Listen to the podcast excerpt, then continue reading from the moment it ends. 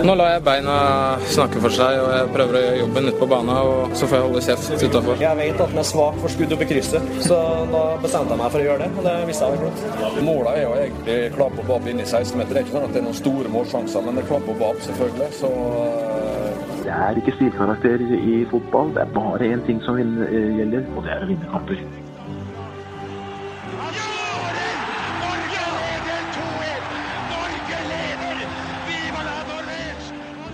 Og der er uh, toppfotball tilbake igjen. Uh, denne gangen med en uh, ny, interessant gjest som vi skal komme nærmere til, tilbake til.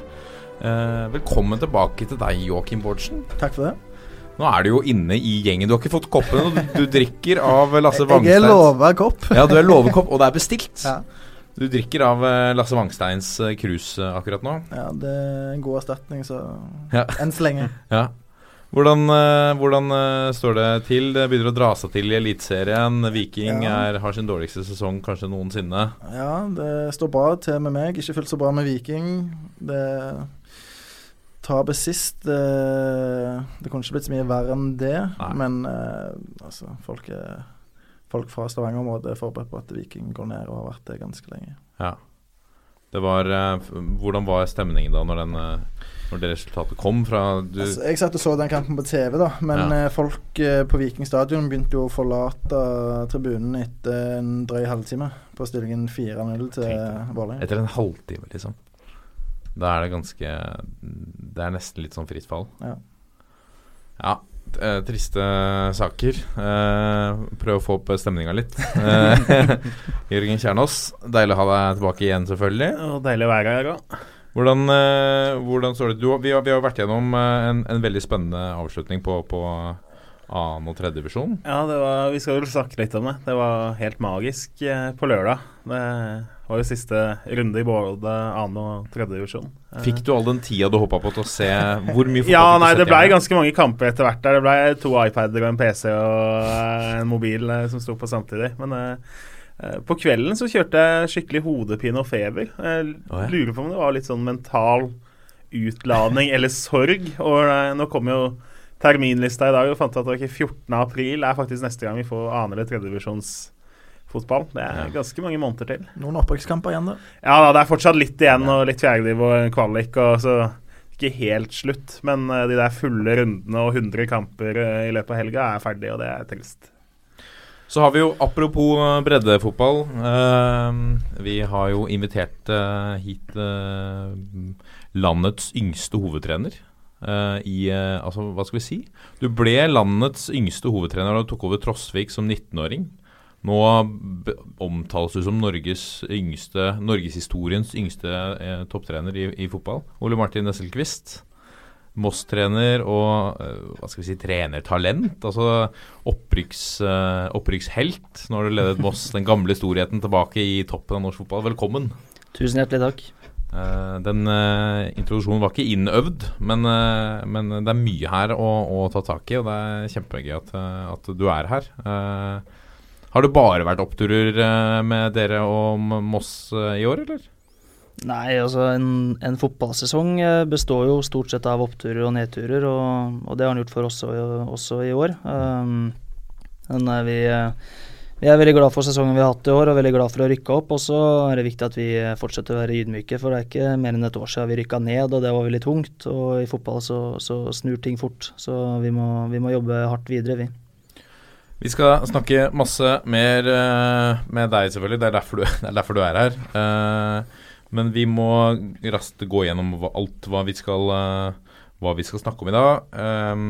Vi skal selvfølgelig eh, grave litt i, i din uh, trenerkarriere så langt og høre litt gode historier fra deg, Ole Martin. Uh, så har vi jo fått noen gode lyttespørsmål, i tillegg til uh, vi, har fått, vi, har fått, kjeft. To ganger kjeft på e-post. som vi skal tilbake til. det er nok kjeft med glimt i øyet, men likevel, det er viktig. I pulsen skal vi se nærmere på hvor trygt vi tenker at godeste trener Sjøgren sitter for kvinnelandslaget.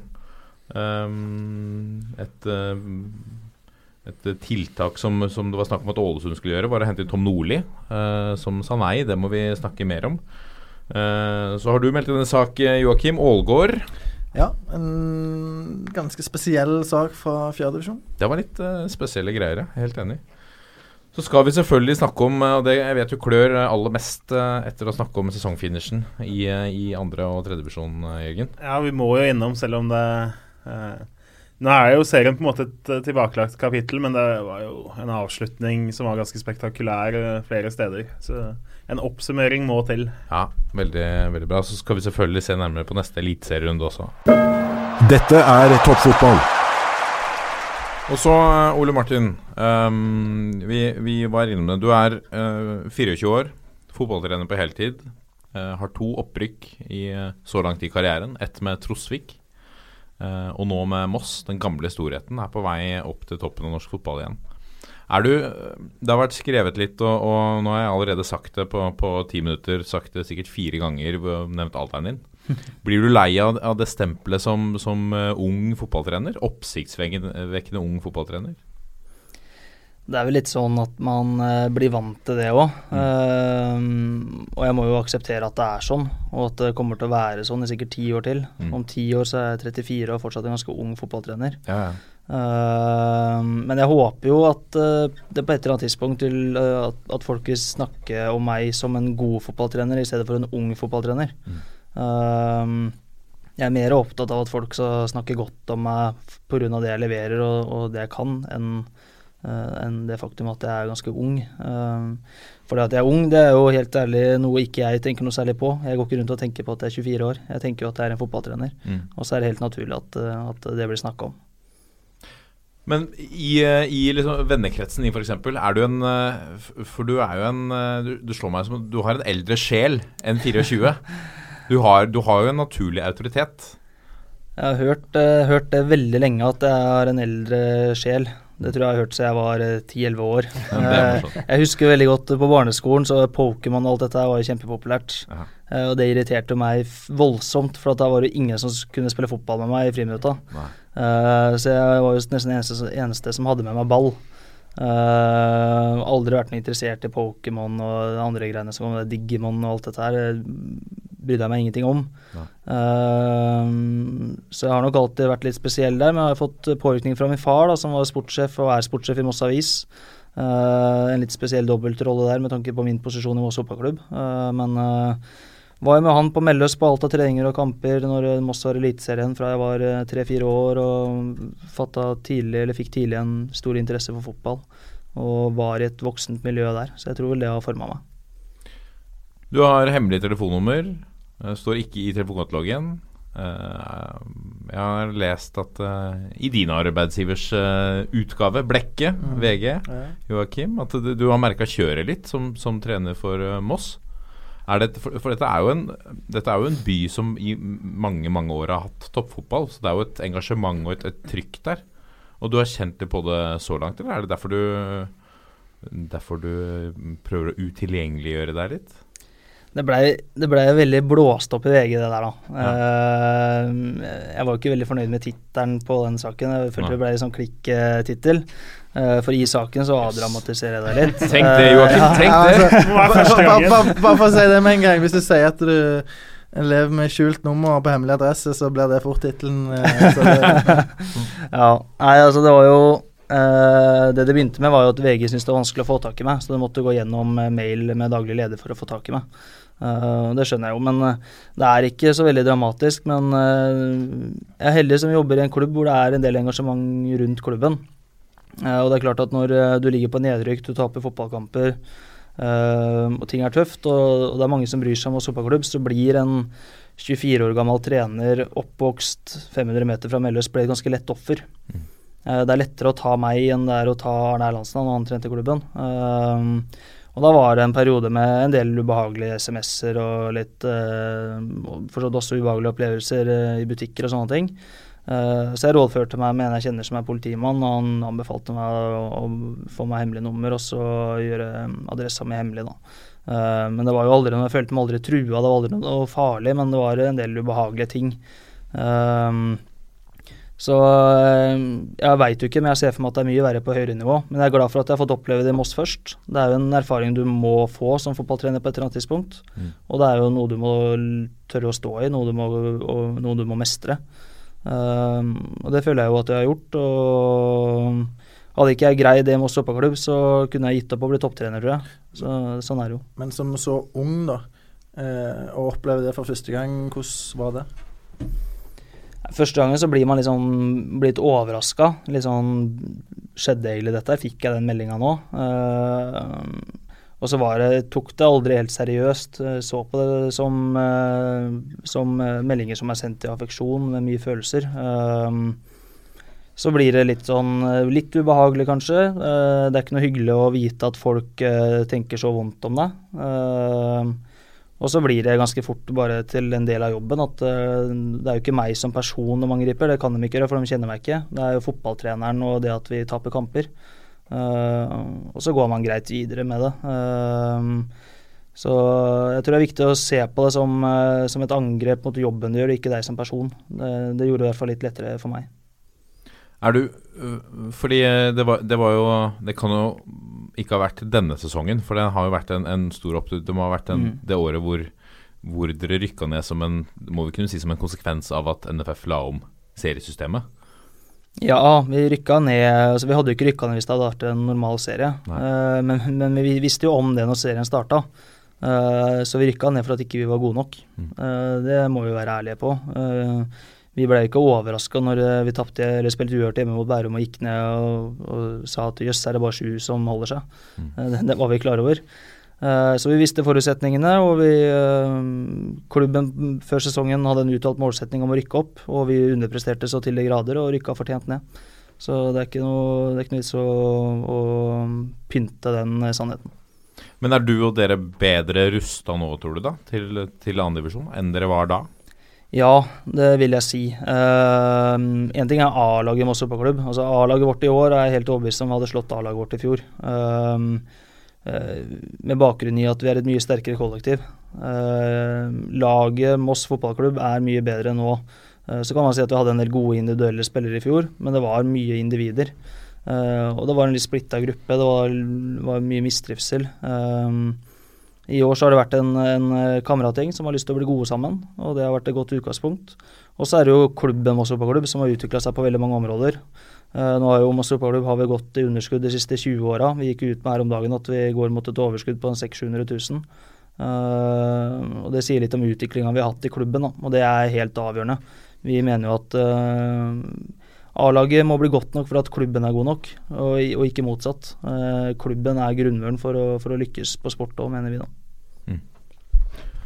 Vi uh, må, vi må, vi må skru uh, tida litt tilbake til Trosvik, Trosvik i, i, Fredrikstad. Trossvik. Trosvik. Ja. der fikk du en, en, en jobb som A-lagstrener i alder av 19 år. Hvordan, hvordan skjedde det? Det var uh, tilfeldigheter og kontakter. Uh, Tor Tronsen, uh, tidligere FFK, Rosenborg og Moss fotballklubb, og for så vidt flere andre klubber òg. Bor jo i Fredrikstad. kjente meg litt fra Vang toppidrett og fra Moss fotballklubb. Jeg trente guttelaget i Kvikkhalden i 2012. Uh, Trossik ringte Thor, de ville ha noen referanse på noen potensielle A-lagstrenere. og Lette også etter en juniortrener. Thor uh, spilte inn meg som en uh, mulig juniortrener i Trossik, så jeg ble ringt etter og vi tok en prat. og Når praten var ferdig, så ble jeg tilbudt jobben som A-lagstrener, ikke juniortrener. Så det var, uh, det var tilfeldigheter, og ikke minst en fotballeder i Trossik, Tom Arild Larsen, som var knalltøff og turte å satse på en 19-åring. Men hva gikk Men Altså, det er en stor rolle for en, en som ikke har runda 20 år. Noe angst eller nervøsitet rundt en, en, en sånn type jobb, da? Nervøsitet, ja. Ikke angst. Jeg har vært ærlig på det før at jeg følte meg ikke klar når jeg sa ja til det. Men jeg har alltid tenkt at hvis du ikke er klar, så får jeg se å bli det. Og så tenkte jeg også litt at det er jo klubben, eh, altså laget Trossik hadde jo ramla ned fra tredjedivisjon med veldig veldig klar margin. Jeg følte ikke jeg hadde så veldig mye å tape på det. Det var på en måte alt var nede der. Eh, de var fire-fem mann på trening kanskje en gang i uka. og var heldigvis som skrapa sammen elleve mann til kamp. Så det var en sjanse jeg følte jeg måtte ta når jeg først fikk tilbud om den. Uh, det å få lov til å få den erfaringa i så ung alder. Og så var det bare å bli klar så fort som mulig når jeg, når jeg fikk jobben. Så skal det sies også at det var en litt eh, spesiell ansettelsesprosess, uh, fordi at eh, både klubben og jeg ønsker å involvere spillergruppa. Så jeg møtte spillergruppa før jeg var ansatt, og på mange måter lot spillergruppa si ja til at jeg skulle trene dem. Uh, hvor da viktigste møtet var med de eldste i spillerstallen. Hvor jeg la fram mine tanker og hva jeg tenkte, og prata litt med dem. Og så var det dem som til slutt sa at dette her vil vi, vil vi gå for. Uh, hadde ikke gjort det nå, men i og med at jeg var 19 år og ingen hadde hørt av meg før, så følte vi at det var riktig da. Hva er det du sa da, som, som overbeviste de, eller som fikk de til å tenne på ideen? Jeg husker ikke alt jeg sa på det møtet. Uh, men jeg solgte, altså prata om uh, det som var viktig for meg, og treningskultur uh, og samhold. At vi, vi, skulle ha det moro sammen, og vi skulle være mye sammen. Vi skulle trene mye. og det at jeg ville satse på en del unggutter. Så prata jeg litt om krava jeg hadde til de eldre i gruppa. så det var vel noen som også ga seg etter det møtet, for at de skjønte at dette greier ikke vi å henge med på. men jeg tror vi kanskje greide å, uh, å selge inn litt uh, ambiøse tanker. da, At de uh, følte at dette kan bli moro. Dette kan bli moro å være med på. så jeg tror kanskje det var, det var viktigst. Og så ble det ganske moro. Dere, dere rykka opp? Ja, det ble det. Det var jo et Vi fikk en kronglete start. Vi sto med fire poeng etter fire kamper og lå nede i gøra.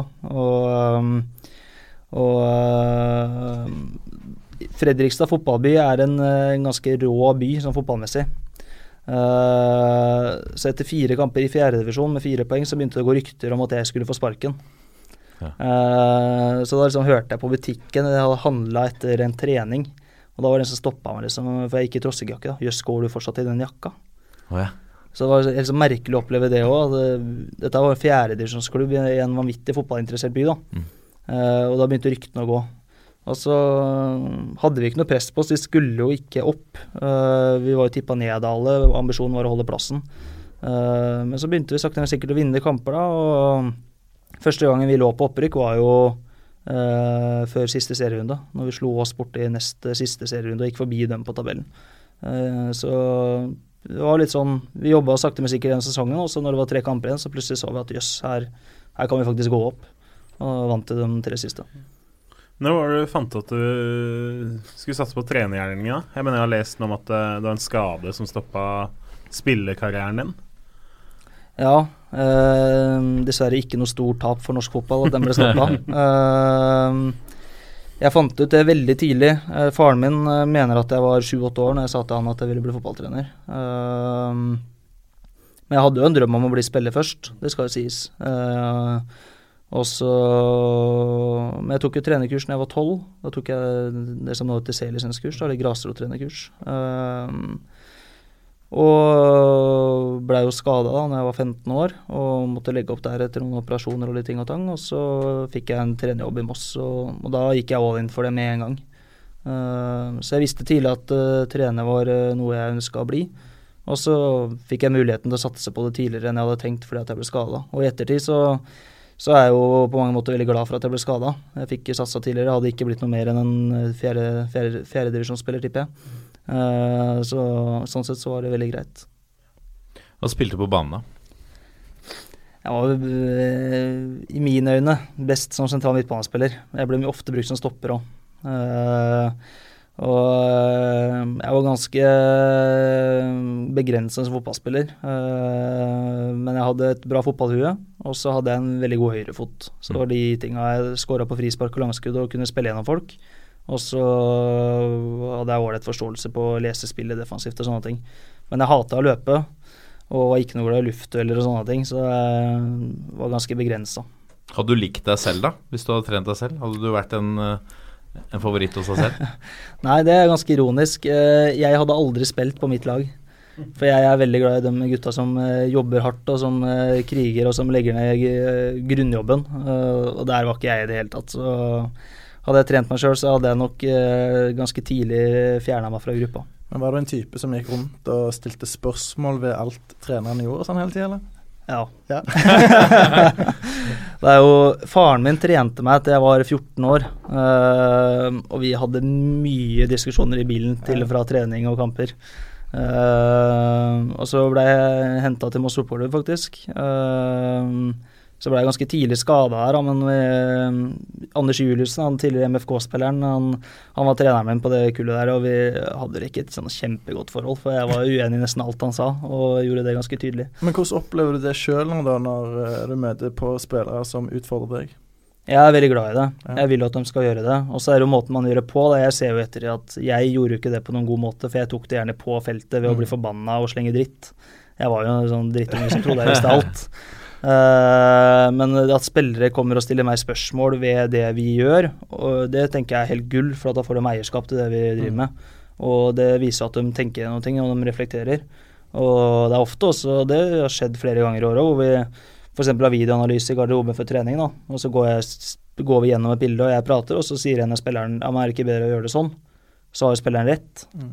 Og da er det jo dumt av meg å stå og nekte blankt for det. Det er godt å høre det, syns jeg, fordi jeg har sjøl opplevd trenere som eh, du føler jo gjerne må passe deg litt for. Da, at hvis du tar for stor plass, eh, så er det gjerne enklere å, å bruke en annen spiller, da. Sant? Mm. Uh, så det syns jeg er bra at uh, du uh, har gitt rom for det. da. Var det ikke Espen Nystuen i, i Kongsvinger som ja, daglig leder og kaptein? eh, som, som, også plutselig blanda seg inn i en eller annen Eller han og Louis Bementa hadde en diskusjon. Og Nystuen var vel fast på laget, og kampen etter så var han vraka. Mm. Til, til, lagets beste. Da, da, stiller man seg jo noen spørsmål ved Men, men, men så er det han som kan uh, avgjøre om Pimenta får nye kontrakter eller ikke? Ja, det, det, var et merkelig spill, det der. Og Game of Thrones på Obos-ligaen. Vi har jo en litt uh, lignende situasjon hos oss. Med Kjetil Berge er jo spiller og daglig leder. Ja. Nå har det gått veldig fint i år. Vi har veldig tydelig arbeidsfordeling. Uh, jeg bestemmer sport, og så er jo han sjefen min på markedsarbeid og omdømmebygging og disse tinga her. Uh, men det er klart at det kan være utfordrende i det øyeblikket vi blir uenige om treningsmetodikk eller hvordan vi skal spille, eller noe sånt, så er det klart det blir diskusjoner. Men nå har vi løst det veldig greit i år, og jeg tror jeg tror Uansett hvor gammel du er som fotballtrener, så tror jeg det lønner seg å være ydmyk eh, med tanke på at spillere kan litt fotball, dem òg. Mm. Og de ser ting fra helt annet perspektiv enn det jeg gjør. Og selv om jeg har spilt fotball, så har ikke jeg spilt toppfotball. Og eh, Derfor er jeg opptatt av å høre på de spillere som ser ting fra litt annet perspektiv, har erfaringer som ikke jeg har. og så får vi høre på dem, og så hender det innimellom jeg er enig med dem, andre ganger ikke. Men de må i hvert fall føle seg hørt. Eh, for de, de er jo ikke ubrukelige, de kan jo ting, de også. Jeg føler det er noe som tilhører den unge generasjonen trenere. At uh, de tør da, å høre på spillerne, mens gjerne den eldre skolen de styrte litt mer med frykt. da. Men Tror du det har noe med alder å gjøre, eller tror du det er en annen mentalitet på de som kommer opp? Det, jeg tror det er en annen mentalitet på de som kommer opp. At du er ikke så redd for å gi andre eh, et rom for å komme med innspill. da. I gamle dager. Nå skal jeg ikke generalisere så voldsomt, men gjerne at det, en del av den eldre garden var litt reddere for at det skulle bli oppfatta som eh, at de var utydelige eller ikke eh, hadde en klar plan for eh, hvordan de ville at eh, laget skulle opptre. Mm. Men etter du var skal vi se, tre-fire sesonger i Trosvik Tre. Stemmer det? Tre. Og så var det eh, Moss, altså hjemklubben din, som, som, plutselig banka på døra, eller eh, ringte i telefonen. Hvordan eh, Det må ha vært litt spesielt for deg, det også? At de de, liksom de har anerkjent deg som spiller tidligere ved, ved å hente deg, men at de også nå hadde sett dine kvaliteter som trener? Ja, eh, det var jo eh, litt fram og tilbake. Jeg var jo fra før av i Moss fotballklubb som sportssjef. Ja. Uh, jeg gikk jo også Siste halvåret mitt i Trossik så kombinerte jeg det å trene A-laget til Trossik og jobbe litt med yngre der med å være sportssjef i Moss da med ansvar fra, fra 7 til 19 år. Mm. Uh, så jeg var jo der allerede. Og så ble det ganske tidlig klart at jeg skulle gi meg i Trossik. Uh, og da hadde jo, Moss hadde jo en A-lagstrener, Ørjan Kristiansen, eh, som hadde gjort en veldig god jobb i, i 2015. Da, og var jo ikke så langt unna å rykke opp der. Aufoss vant vel med 6-7 poeng til slutt, tror jeg. Um, så jeg var jo for så vidt i samtale med ganske mange da. Uh, og flere som, uh, som heldigvis for så vidt var interessert i å snakke med meg, og det var veldig hyggelig. Og så ble det til slutt til at en assistenttrenerjobb i Moss under Ørjan frista litt. Og det var både med tanke på min egen utvikling, at jeg hadde vært hovedtrener i tre år, og få litt erfaringer som assistenttrener kunne være fornuftig, tenkte jeg. Og klubben hadde ambisjoner om å gå opp i førstedivisjon. Uh, jeg liker Ørjan godt, han er en flink kar.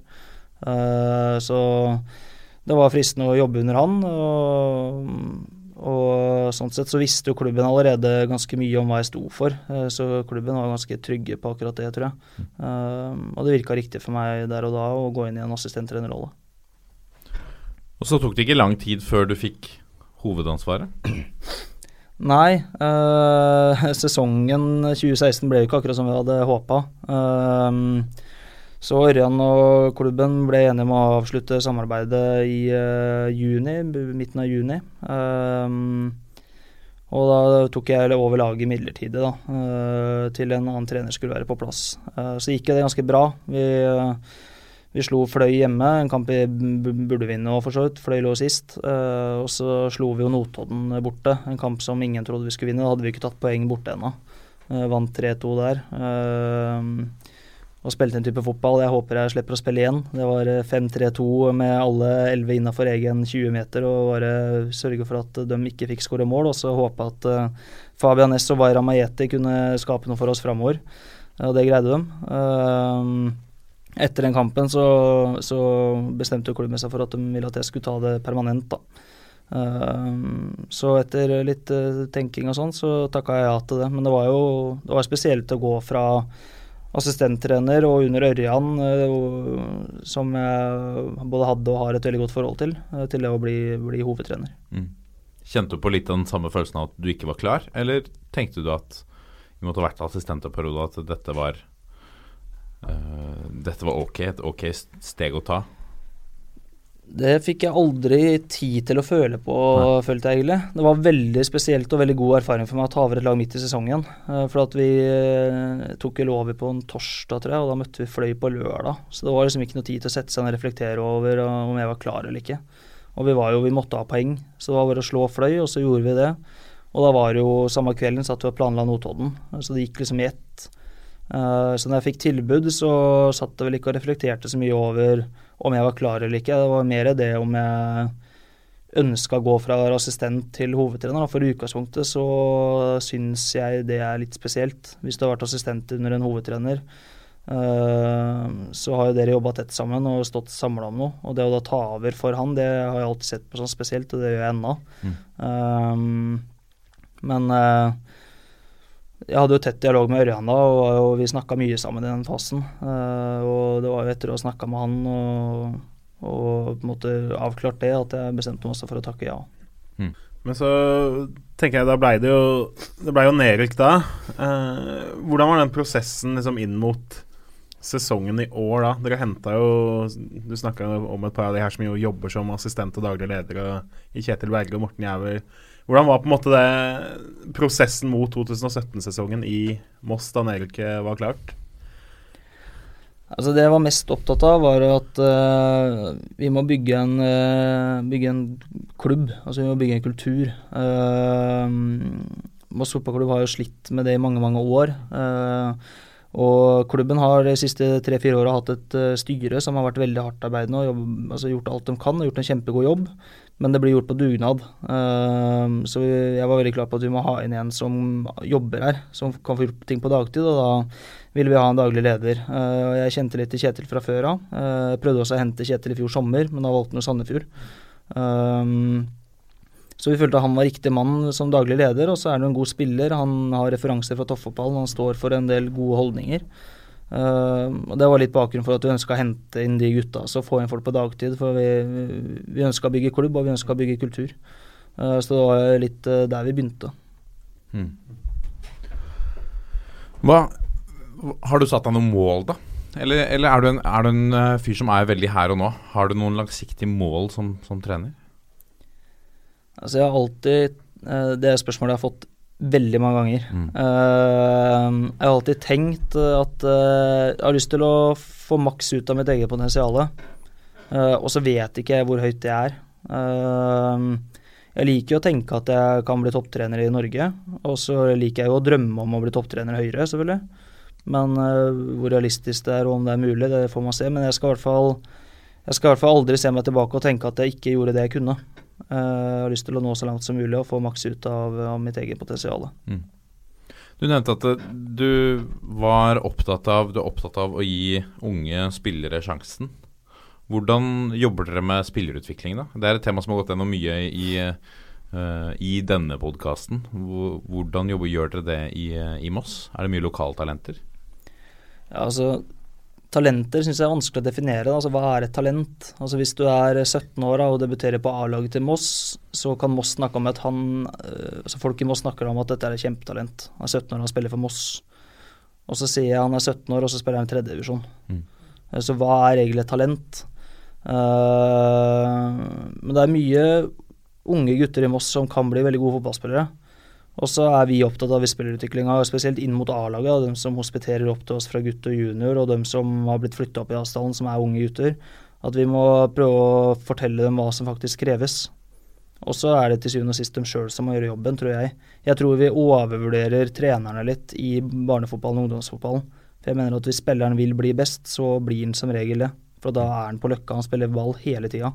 Uh, selvfølgelig, Har du en dårlig trener som dreper spillegleden, så kan selvfølgelig det være avgjørende. Men uh, jeg mener det viktigste en trener kan gjøre i barnefotballen, er jo å sørge for at fotball er gøy, og gi noen gode råd til hva du kan drive med på fritida. Uh, egne øvelser, hvordan du kan drive egentrening, og sørge for at fotball er kjempemorsomt. Spiller du fotball nok, så kan du bli god. og Så kommer han opp på A-laget, og da, da, er vi opptatt av å stille krav til 24-timersutøveren og, og fortelle dem hva som faktisk må ofres hvis du vil bli best. Og, så må du gjøre det selv.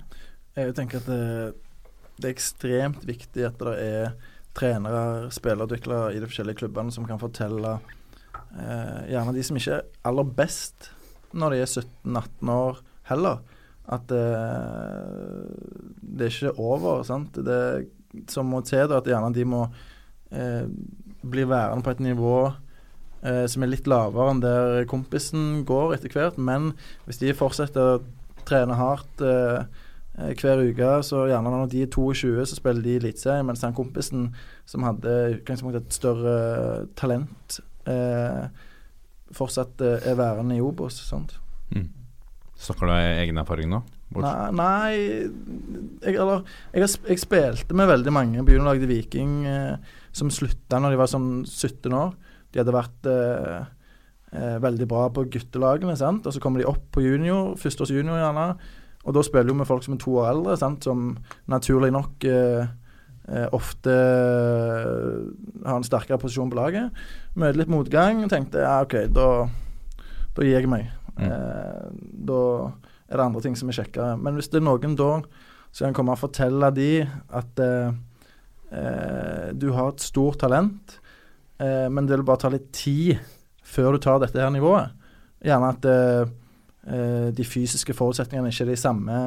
Eh, sant? Eh, en rask spiller har gjerne større mulighet for å ta et høyere nivå enn en som er treig. Han må kompensere, trenger lengre tid osv. Så, eh, så liksom ekstremt viktig at de får de beskjedene, da. Men det er jo helt opp til eh, litt flaks òg, da. Hva folk du har rundt deg, tenker jeg. Mm. Vi har et kjempeeksempel nå i Moss som heter Henrik Stokkebø. Eh, som er en lokal gutt. Han ble jo nå betegna som, uh, som den neste Mister Moss fotballklubb. Ble kåra til årets Cal i år av supporterne. Årets uh, det liker jeg. Like. Ja, det er en nydelig tittel. Ja. Uh, han har jo vært der fjerde året hans nå i, i avstand til Moss fotballklubb. Han er 22 år, og det er første gang i år han har spilt fast. Han starta for første gang i fjor høst to kamper på rad. Så han hadde jo nesten tre år da, i avstanden til Moss i andredivisjon uh, uten å spille i det hele tatt, omtrent.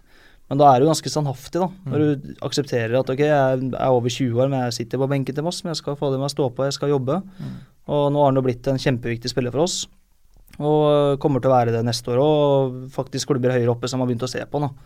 Uh, han var aldri noe talent. Han var på junior 2 for fem år siden i Moss fotballklubb. Men han har trent hardest, han har trent best, han har vært mest nøye på kosthold. Og han har ønska det mest. Og det er selvfølgelig Når da opprykket blir klart, så er det han som står og griner ute på banen og syns det er kjempestort. Ja, og Nå har ikke jeg sett han spille, da, men sånne typer som det er jo som plutselig eh, kan være med på et opprykk til nå, for andre det første.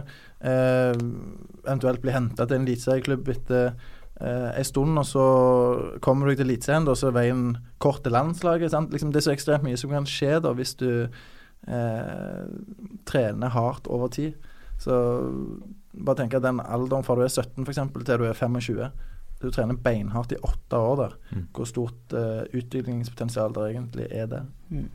Men er det vanskelig å holde de beste i Moss uh, fotballklubb nå? Jeg tenker, Det har jo to naboer uh, ved Glomma som uh, flekse litt muskler der. Og så har dere Sprint Jeløy, som er gode på eh, aldersbestemt, de også. Altså, Nedover i alder så det, kan det være vanskelig. Um, det er jo Spesielt 08 er jo attraktive for uh, unge spillere altså i 13-15-årsalderen, men de er ikke minst attraktive for uh, foreldre. Mm. Uh, og det er jo ofte de som bestemmer.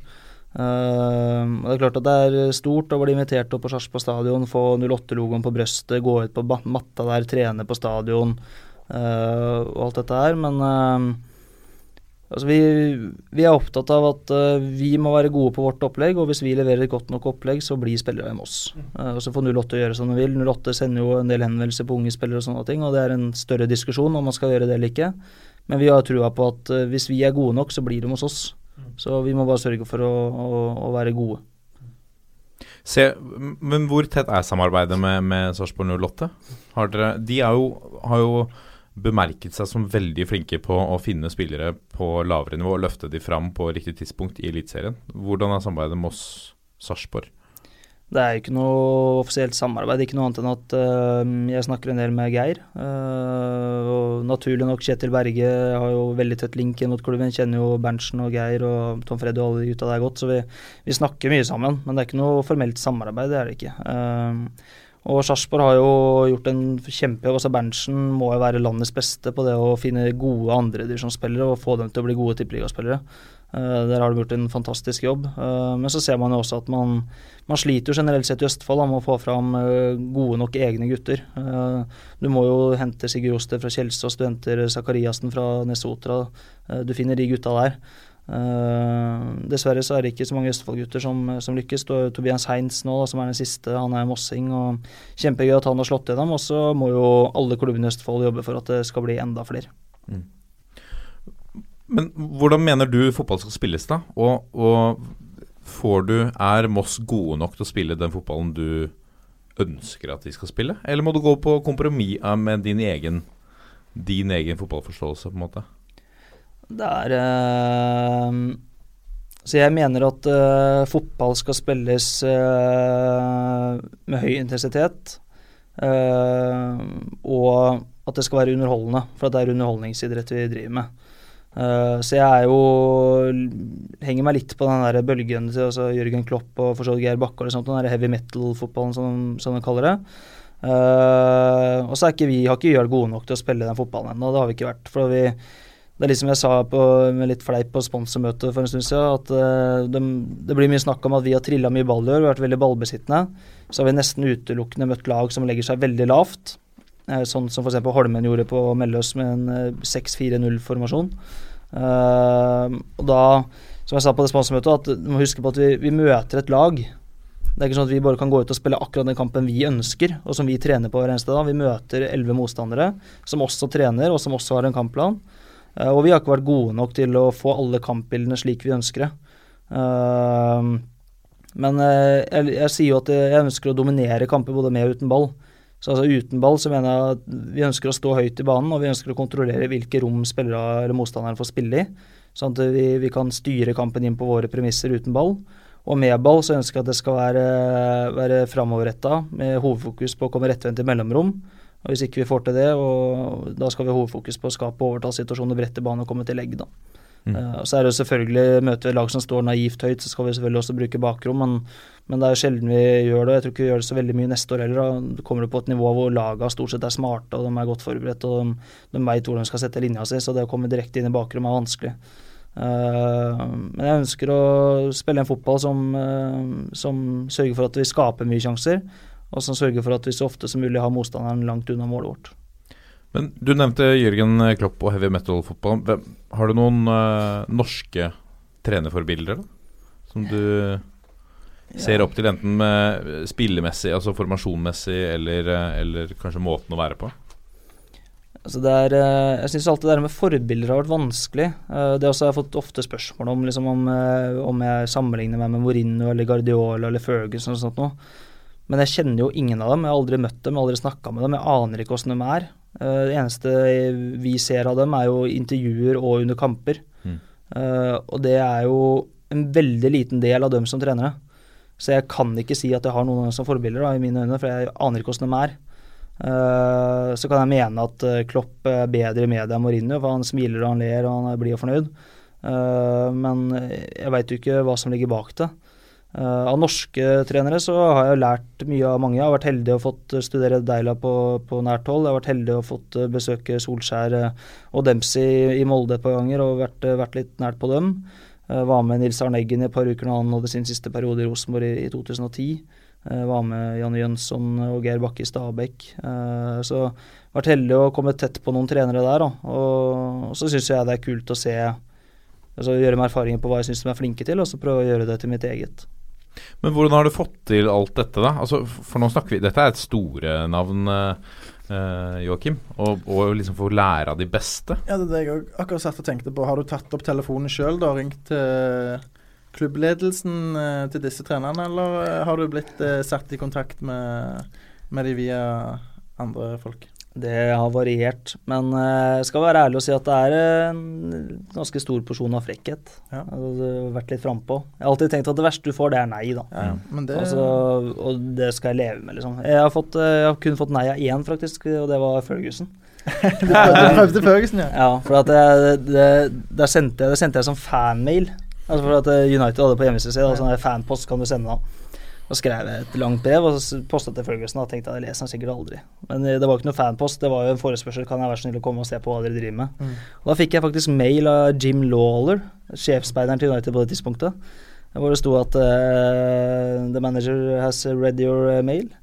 Og svaret at det passa dessverre ikke å komme på A-laget, da, men jeg ble satt i kontrakt, kontakt med Brian McClair, som var Academy Manager, og fikk mm. beskjed om at jeg kunne komme på akademiet. da maila jeg litt med Brian McLear, og så slutta han å svare, da. Men, uh, så jeg fikk nei av Ferguson, og han leste jo tydeligvis med posten min, da. Så det var hyggelig. Uh, ellers så var Deila var gjennom Erik Holtan, uh, som ordna meg det. Geir, eller Stabæk var gjennom uh, min far, som kjente Geir Bakke fra tida han trente Moss. Nils Arne Eggen var gjennom Knut Torbjørn Eggen, som var mentoren min og læreren min på Vang toppidrett. Og Ole Jonas Solskjær er også en liksom frekk historie. Uh, de spilte treningskamp mot Lillestrøm eh, 11.3.2012 eh, i LSK-hallen. Og Jeg dro inn der for å se på med ett mål, og det var at jeg skulle få snakke med Solskjær og høre om jeg kunne komme og besøke dem. Så rett før kampen var ferdig, da, så sneik jeg meg inn i garderobeanlegget i LSK-hallen. Eh, så når de kom inn der, så satt jeg og venta, rett og slett.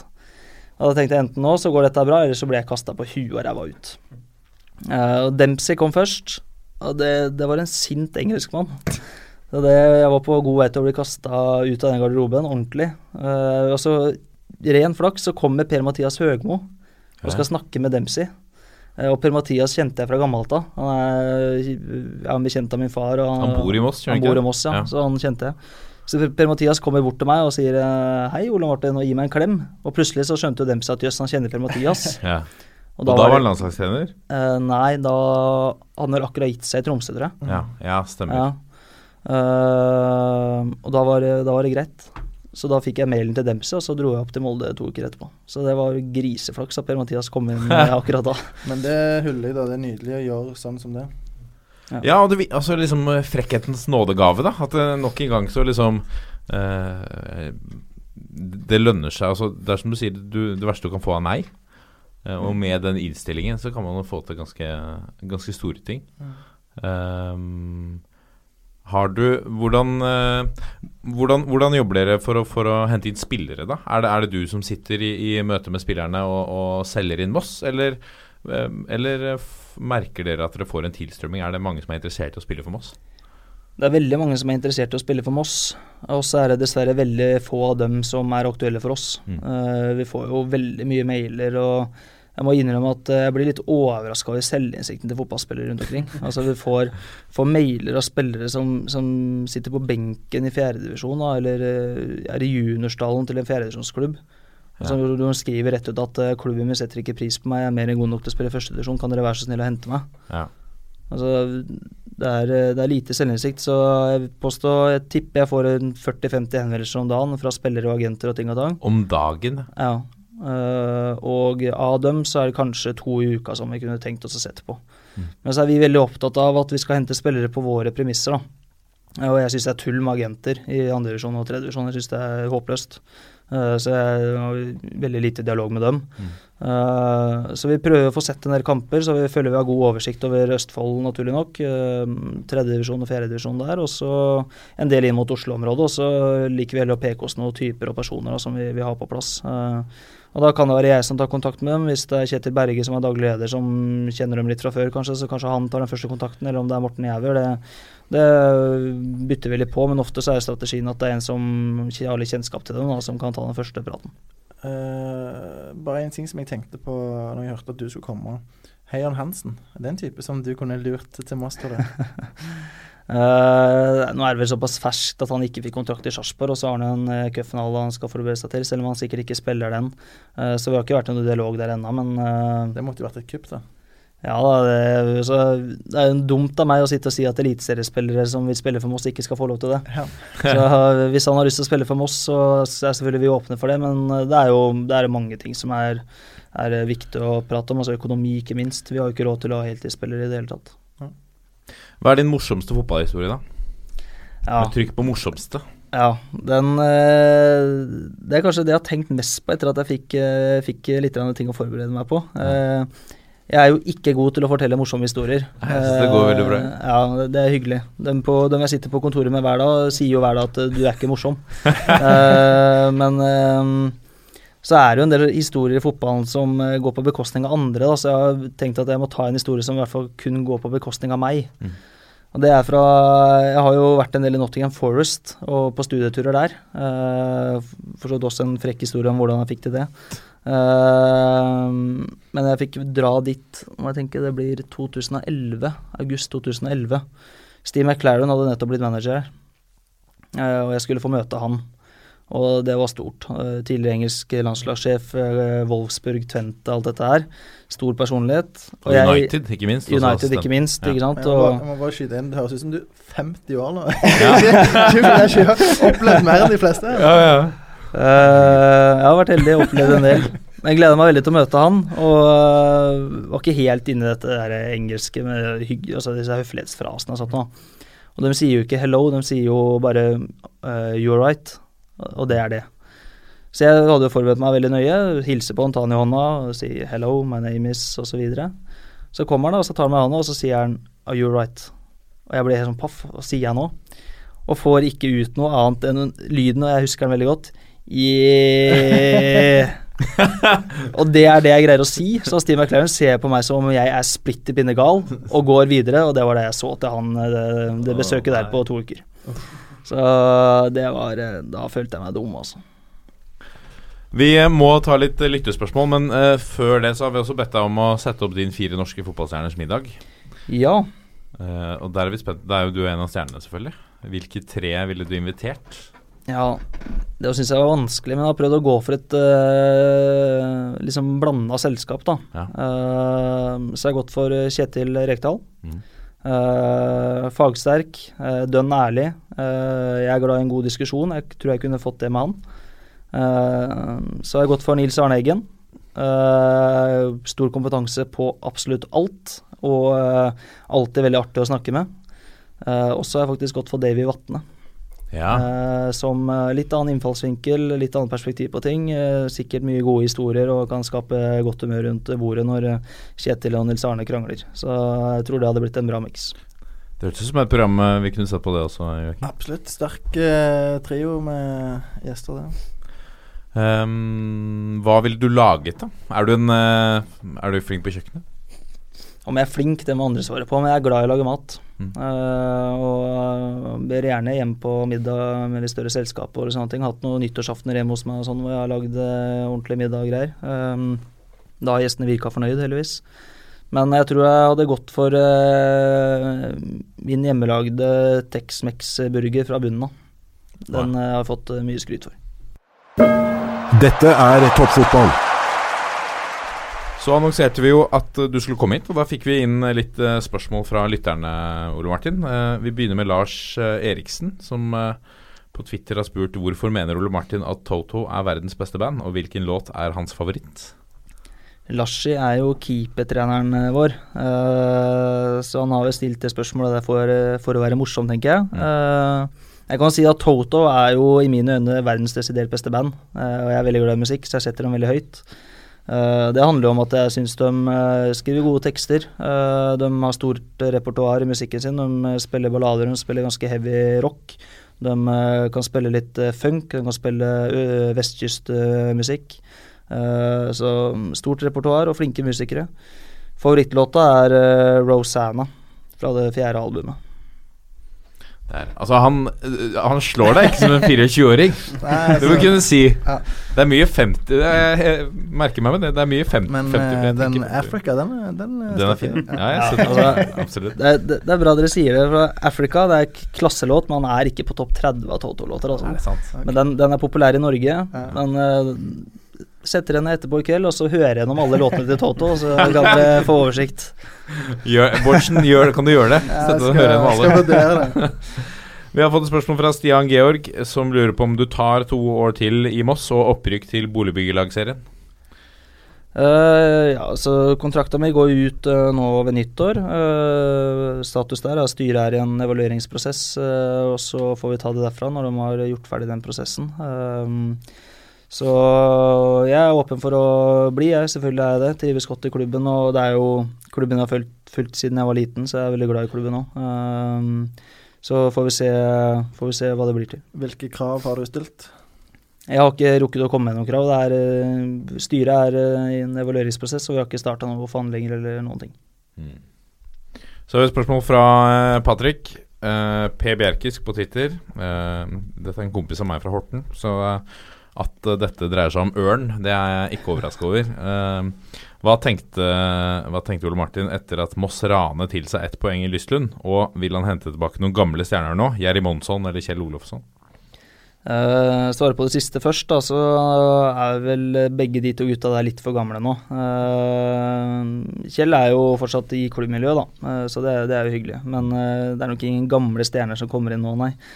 Uh, Rana å sette poeng på Lystlunden, der er jeg ikke enig. Uh, Ørn var klart best i ett kvarter, og så var det sånn forholdsvis jevnt i en halvtime, og så var vi klart best i 45 minutter. og og Ørn kunne avgjort kampen på det kvarteret. Vi leder jo 2-0 etter ti minutter og burde leda tre. Keeperen vår har en eh, veldig god redning som holder oss inne i matchen, men uh, jeg syns vi viser gjennom spesielt siste timen at vi, vi er et bedre lag enn Ørn. Så mm, jeg må vel si at uh, jeg syns vi hadde fortjent alle tre poenga, men uh, det er det som er litt vakkert med fotball, at uh, man kan være uenig, og det er vanskelig å være helt objektiv.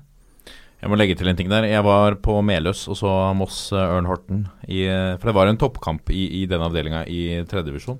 Og dekket kampen i, i haketegn for, for Facebook-sida til Ørn. Eh, og så oppdaterte med kamphendelser underveis. uh, og var ganske forbanna etter hvert på linjemann på Eller eh, assistentdommeren, som det heter. På, på sida der hvor jeg satt. For jeg mente han løp altfor lite, uh, og at han umulig kunne få med seg et, Det var et par offside som han gikk glipp av, og som gjorde at Moss uh, skåra, mente jeg. Og jeg fikk Og dette la jeg ut på Facebook i en litt sånn mildere tone, bl.a. at jeg syntes det var smart av assistentdommeren å løpe mot garderoben etter kampen. Fordi at eh, etter en såpass innsats så burde man komme seg raskt i dusjen. Og da fikk jeg fikk så kjeft. klubben fikk så kjeft, og folk, eh, folk slakta den, eh, den dekninga på Facebook. Så jeg fikk noen telefoner etterpå sånn bare ok, du er fjernet fra administratorrollen og Det var virkelig dårlig stemning. Men, eh, men, men det, det kan jeg si nå, det var meg. Det var min skyld. Det er ikke skyld på Ørn Horten. Er artig at du sier det, for det ble en snakkis eh, hos oss òg. Blei det det? Ja da. Og vi, det ble såpass faktisk at vi gikk inn på videobildene etterpå og så gjennom de situasjonene. For det var noen som posta noen videobilder der, ja. Noen bilder av offsiden. Men, òg ja. hevdet at dette var et glassklart bevis, men det syntes ingenting på bildene, syns jeg. Nei, eh, de bildene var vel zooma inn og litt dårlige. Ja. Hvis du ser på video, så har faktisk linjedommeren rett. Ja, ja. Vi må videre. Fra FK Silly Season, hvor aktuell er Mossegutt og Stabæk-spiller Edvard Race, Rase, for uh, Moss? Edvard Reis. Uh, Edvard uh, er vel verken mer eller mindre aktuell enn noen andre akkurat nå. Eh, han er jo Mossegutt. eh, Jeg kjenner godt fra før. Har trent den på bylag og kretslag. Har uh, utvikla seg veldig bra i Stabæk. Fått eh, noen eliteseriekamper. eh, det var vel i våres, tror jeg han debuterte og fikk noen matcher. Utlånt til Kongsvinger eh, en del av sesongen i år, fikk ikke, fikk ikke så mye spilletid der. Men en bra fotballspiller og Mossegutt, men eh, der eh, tipper jeg vi Hvis det er sånn at vi ønsker han, så ville vi konkurrere med mange andre, og sikkert på høyere nivå enn oss, og garantert med høyere budsjett enn oss. Og hvor realistisk eh, det er, det får vi se, men eh, selvfølgelig en god spiller og, og Mossegutt. Jan Erik eh, Syverud spør hvor mye betyr Kråkevingen for Moss? Artig at uh, en av frontpersonene i Kråkevingen spør om det. uh, Kråkevingen betyr kjempemye. Uh, hva hadde fotball vært uten supportere? Så i år har jo Kråkevingen vært helt rå for oss. Vi har jo endt vel opp med en snitt på en rundt 850 tilskuere tror jeg, på Melløs i år, i tredje divisjon. Det er ganske bra. Det er helt. Kjernås, det er ganske bra på det nivået. Det I farta så er det vel eh, Kan ikke være noen som slår det, kan det det? Nei, det er best. Ja, det må være Det er best, ja, Ja. Jeg tror vi kom på er så langt på 26. eller 27. plass i Norge på, på tilskuddssnitt på Det er ganske gjevt, altså. Ja, og det, det er kult, og ikke minst bortekamper. da. Vi har jo hatt eh, Vi har vært overtall på alle kamper. eh, på tribunen, og de har vært helt fantastiske. Så Spesielt Halden borte, hvor vi lå under 3-0 etter en halvtime og vant 4-3 til slutt. Hvor eh, hele hovedtribunen i Halden var gul og sort. Det, var, det har vært mye sterke opplevelser sammen med dem i år. og det har også vært kult nå når vi har feira opprykket, at eh, de har stilt opp mannsterke der og virkelig stått på i år. Så Kråkevingen er, eh, er kjempeviktig for oss. Og så et siste lyttespørsmål. Jon Thomas uh, Official på Instagram uh, spør uh, hvem har vært deres beste spiller i år, og hvorfor er det Morten Jæver?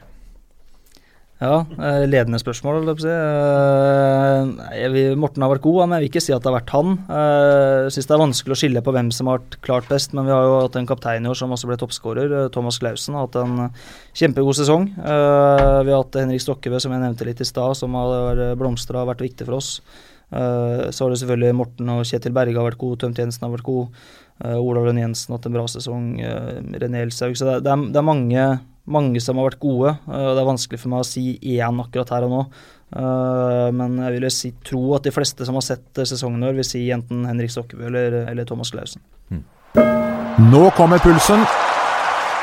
Da er vi kommet til eh, pulsen. Eh, vi begynner pulsen med Nederland 1, Norge 0.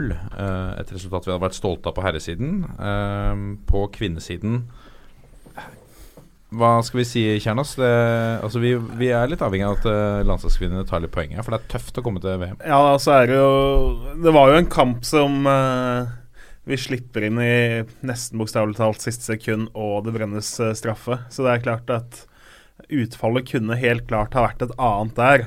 Eh, og når du sier at på herresida er du fornøyd Du er jo aldri fornøyd med tap. Uh, eh, det er en det er nøkkelkamp da for eh, hvordan, hvor lett det skal bli å komme seg til VM. Eh, med uavgjort her så hadde vi sittet ganske godt i den båten. Eh, nå så fort kan bli litt mer kronglete å nå mesterskapet, selv om det fortsatt bør gå. Altså Den gruppeseieren står jo mellom eh, Norge og Nederland Mm. eh, hvis ikke noe veldig spesielt skjer. Så Sånn sett så hadde Mari Mjelde satt den straffen i andre omgang der, så sånn som kampbildet var, så tror jeg Norge hadde vunnet den kampen. Ja. Eh, Nederland skapte ingenting. Eh, Sjøgren skal ha ros for at han la opp en bra kampplan, syns jeg.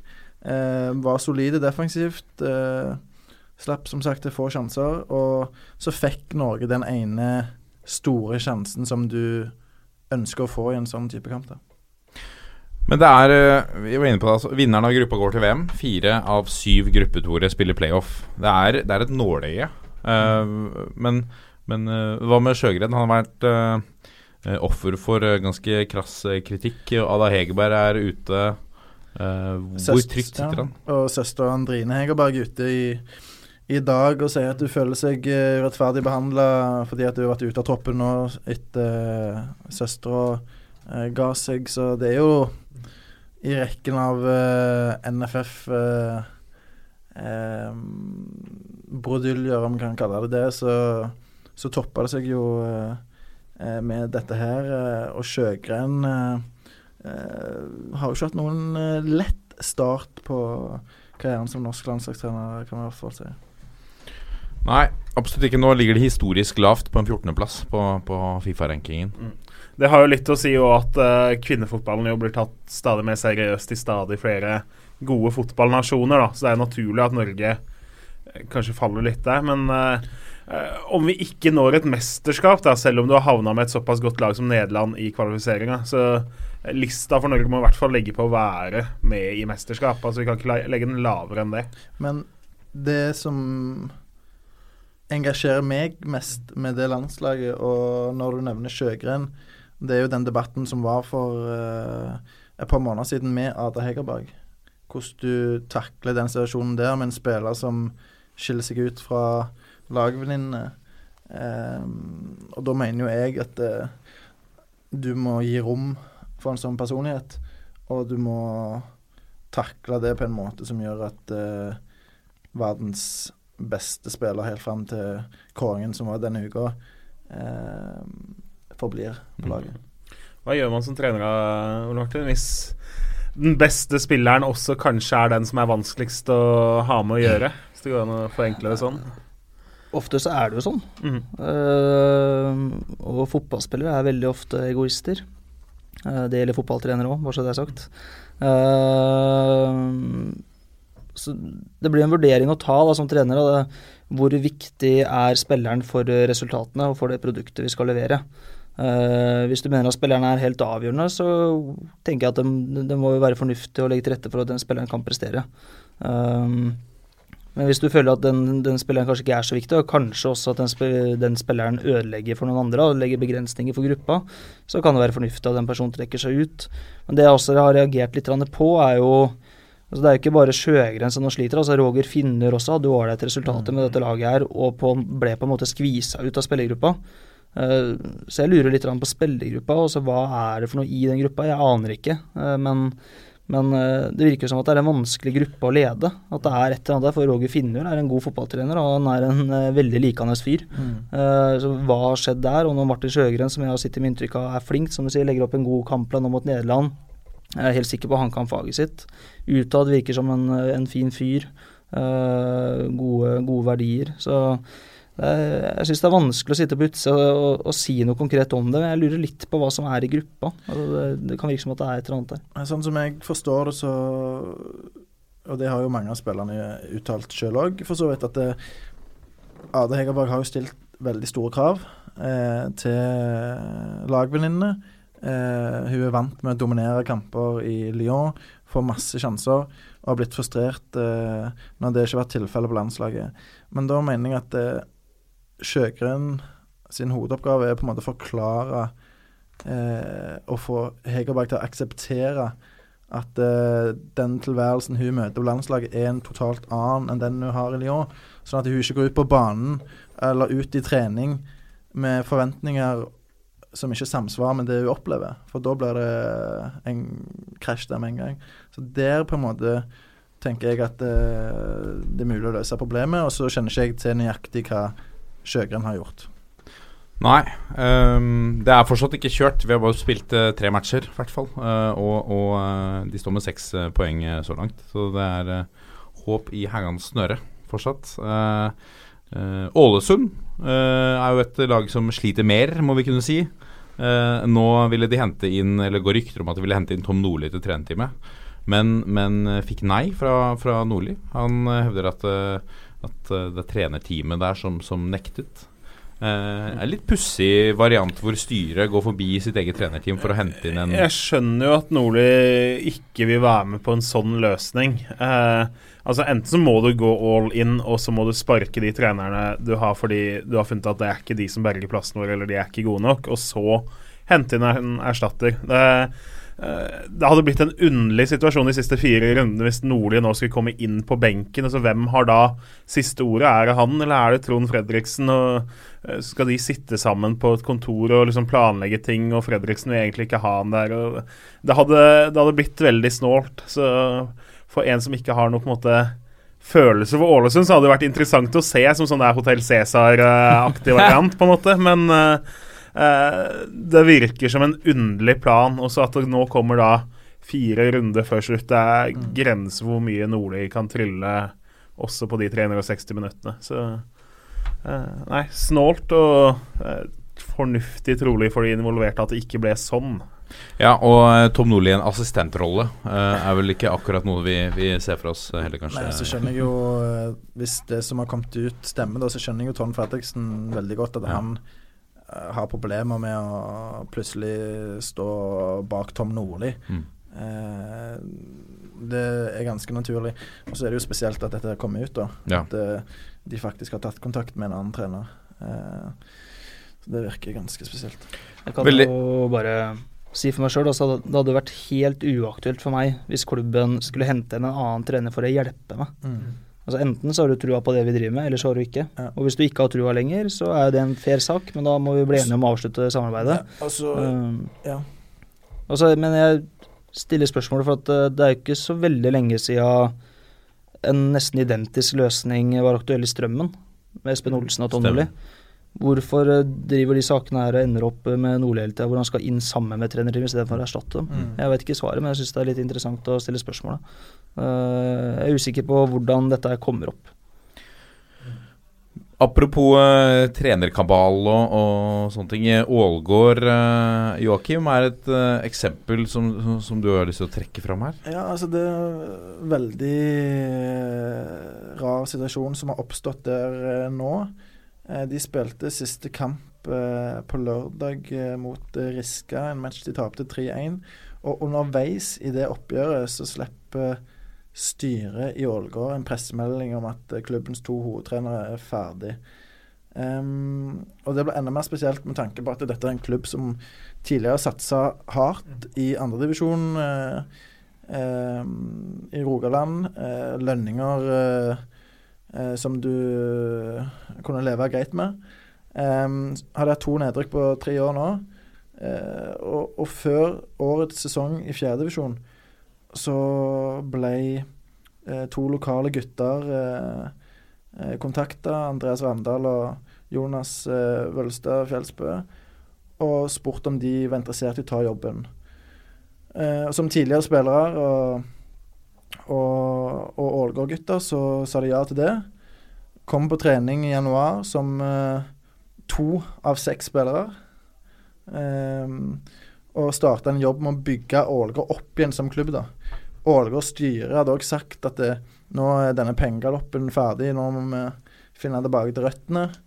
Um, og disse to guttene fikk samla en gjeng med, med, lokale spillere. Noen kom opp fra C-laget, noen andre gjorde comeback. Eh, og fikk eh, stabla på beina et lag da, som eh, har holdt seg i fjerdedivisjon og som har bringt eh, en del entusiasme tilbake igjen eh, i eh, lokalmiljøet.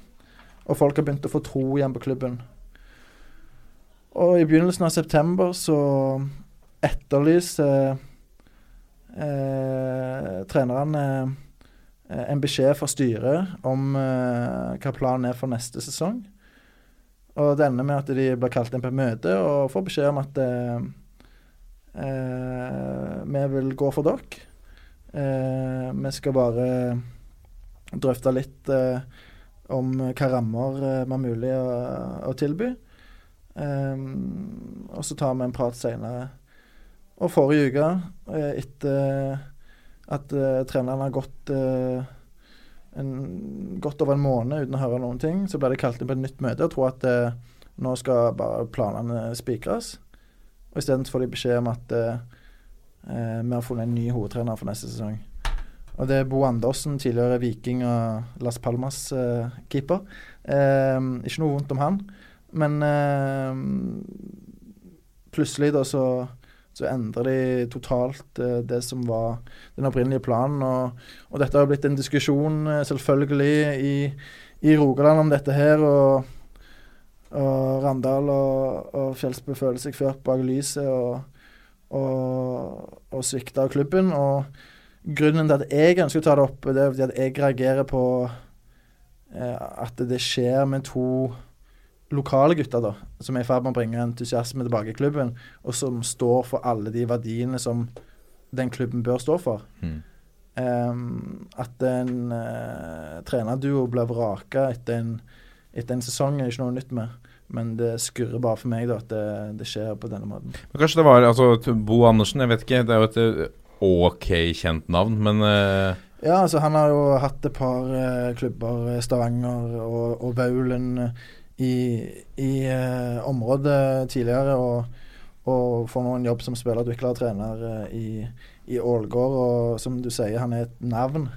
Um, og jeg legger meg ikke opp i hans eh, kvaliteter, men når de har to mann som har sagt seg villige til å gjøre en jobb, og som har gjort det de har gjort, så forstår ikke jeg det. da. Og styret har til og med innrømt at det, det er en uh, litt uh, spesiell avgjørelse. Så liksom, logikken her uh, skjønner jeg ikke helt. Jeg, eh, jeg tok jo A-lisens sammen med Bo, så jeg Ja. kjenner jo Bo ganske Ja. godt. Mm. Og sånn umiddelbart, når jeg hørte om den saken der, så tenkte jeg at her har klubben valgt å gå for mer resultatorientert tankegang enn den utviklingstankegangen. Mm. For Bo er, Bo er en kyniker. Ja, ja, ja. Det, det skal vinnes. Og Han eh, var veldig tydelig på det. Jeg husker veldig godt på A-lisenskurset, og det er ikke noe feil med det. Bo er en fantastisk fyr, og han er Mm. flink trener. Mm. Eh, Men vi diskuterte hva gjøre med en spiller som var dårlig de første ti minuttene. Hvordan bygger hun opp?